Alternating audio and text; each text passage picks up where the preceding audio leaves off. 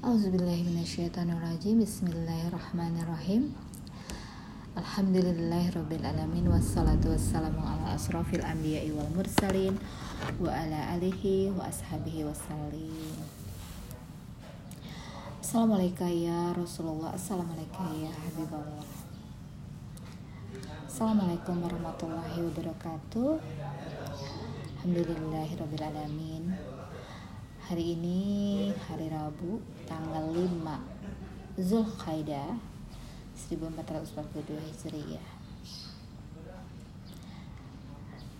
Uh, beberapa hari ini libur ya, tidak uh, tidak melakukan podcast beberapa hari ini karena sibuk ya mencoba ingin menasehati diri sendiri karena lebih mudah menasehati orang lain dibanding menasehati diri sendiri. Ya jadi kadang-kadang ini semua apa yang aku podcastkan apa yang aku tulis itu dengan begitu mudahnya lancarnya Allah menggerakkan segala apa yang di, dimudahkan dengan bisa menuangkan apa yang Allah beri petunjuk melalui segala pemahaman yang aku kumulasikan dari semua yang telah aku pelajari uh, membuat aku harus merenung kembali bahwa segala sesuatu yang kita utarakan melalui lisan, tulisan akan lebih baik lagi bukan hanya sekadar menulis dan berucap namun tertanam di hati dan bisa diamalkan. Bisa dipahami dan akhirnya bisa direfleksikan melalui amalan. Ya, karena yang terpenting dari sebuah ilmu adalah bagaimana ilmu ini bisa dipahami, merasuk ke dalam hati, memancarkan cahaya yang menggerakkan semua apa yang kita lakukan bisa di berdasarkan diinspirasikan dari ilmu yang kita pelajari. Dari pemahaman yang kita dapatkan dari ilmu tersebut. Nah aku punya pengalaman kemarin.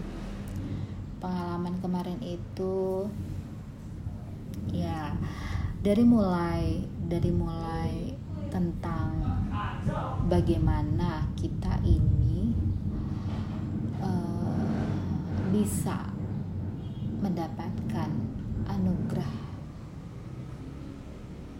berupa akal yang sehat. Nah, untuk mendapatkan akal yang sehat ini adalah dengan dengan bersyukur dengan bersyukur, mensyukuri apa yang Allah beri. Karena dengan kita bersyukur yang pertama yang kita syukuri adalah kita dapat berpikir memikirkan segala ilmu-ilmu yang kita serap ini. Bagaimana ilmu-ilmu ini dapat menjadikan kita tambah bersyukur tambah memahami segala apa yang Allah berikan sebuah ilmu ilmu pengetahuan tentang agama tentang apa pun juga. Bagaimana kita bersyukur diberikannya akal akal yang sehat. Akal yang sehat adalah akal yang dapat melakukan perbuatan baik. Baik secara perbuatan zahir maupun perbuatan baik dari batin. Menandakan akal sehat apabila akal sehat ini dapat melahirkan sebuah perbuatan yang baik. Nah, bagaimana aku merefleksikan, menyambungkan tentang rasa bersyukur ini tentang diberikannya akal sehat. Ya, akal sehat adalah akal yang bisa melakukan perbuatan baik. Kalau akal yang tidak sehat adalah akal yang tidak dapat melahirkan perbuatan-perbuatan baik. Akalnya sakit, orang yang bersifat sombong orang yang hmm,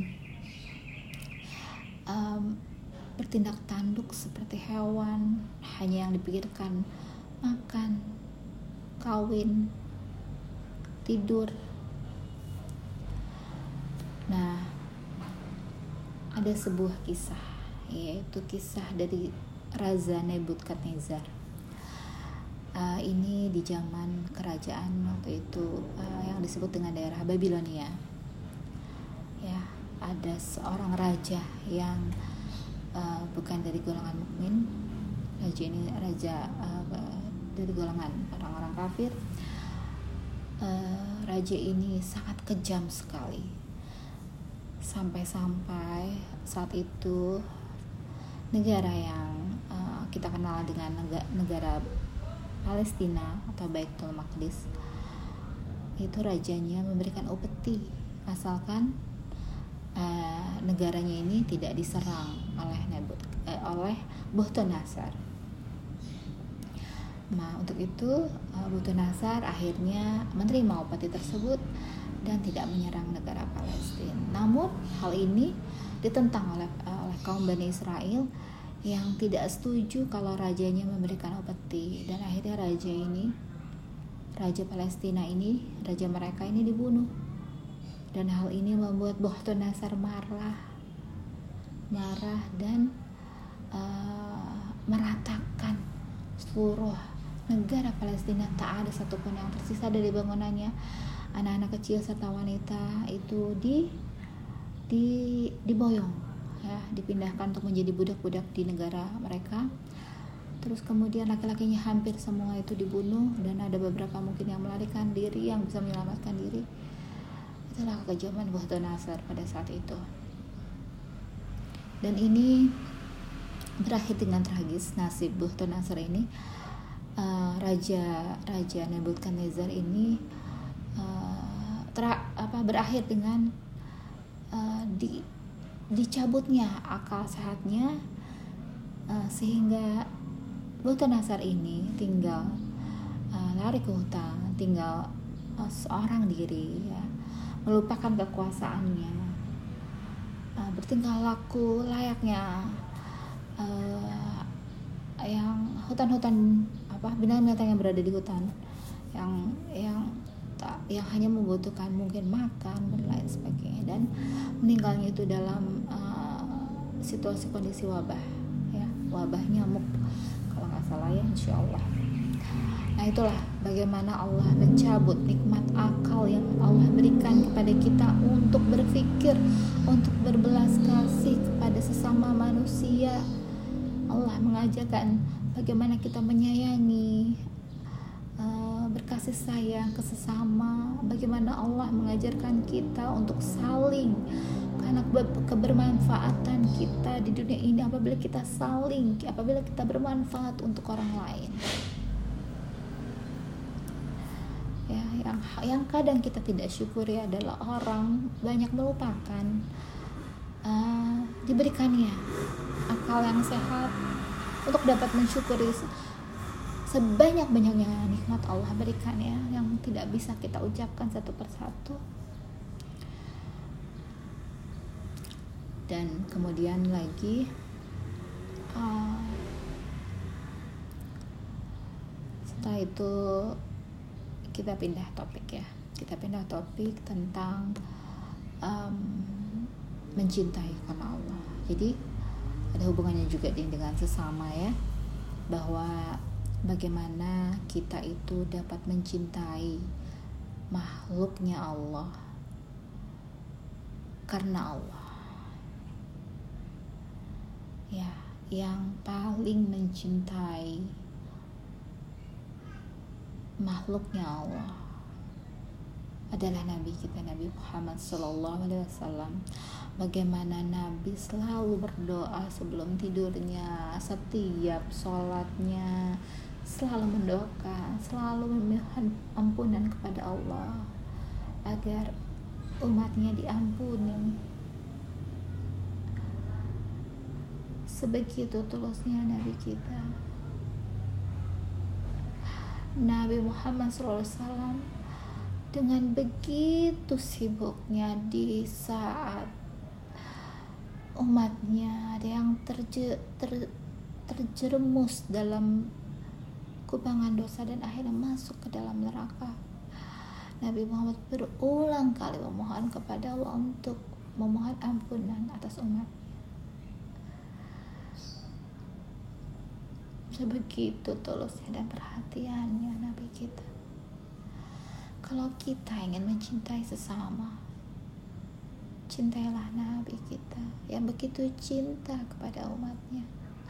Karena kalau kita cinta kepada Nabi kita, kita akan mencintai apa yang Nabi kita cintai. Dan yang paling Nabi kita cintai adalah umatnya.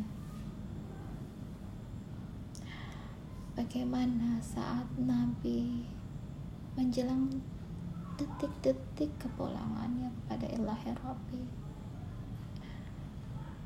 masih saja Nabi Muhammad memikirkan umatnya umati umati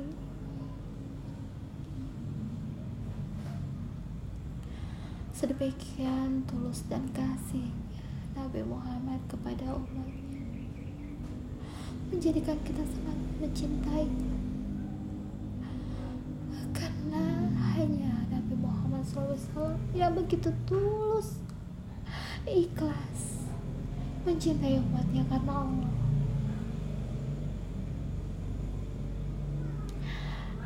untuk dapat mencintai Nabi kita Nabi Muhammad SAW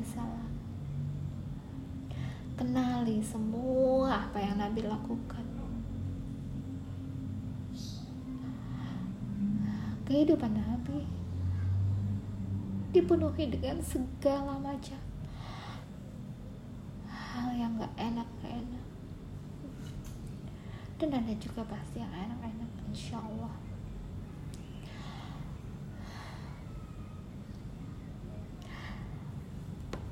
untuk itu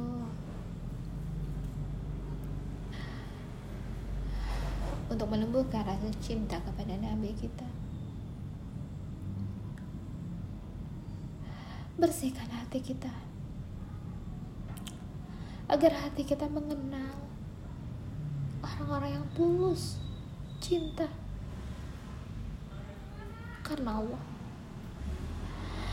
Karena saat hati kita sangatlah bening.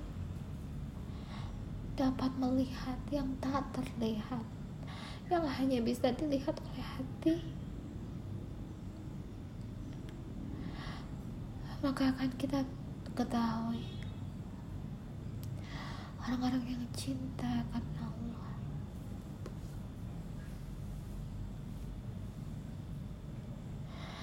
Tak ingin ada satupun orang yang terjerumus ke dalam dosa dan siksa.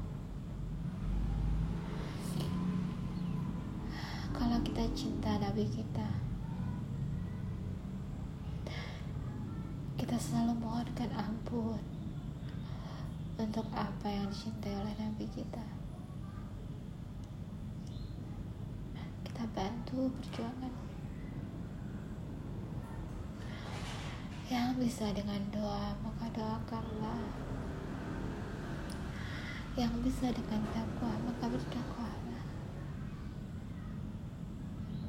yang memiliki rezeki yang lebih maka bantulah. Yang bisa melakukan apa saja. Yang diridhoi oleh Allah maka lakukanlah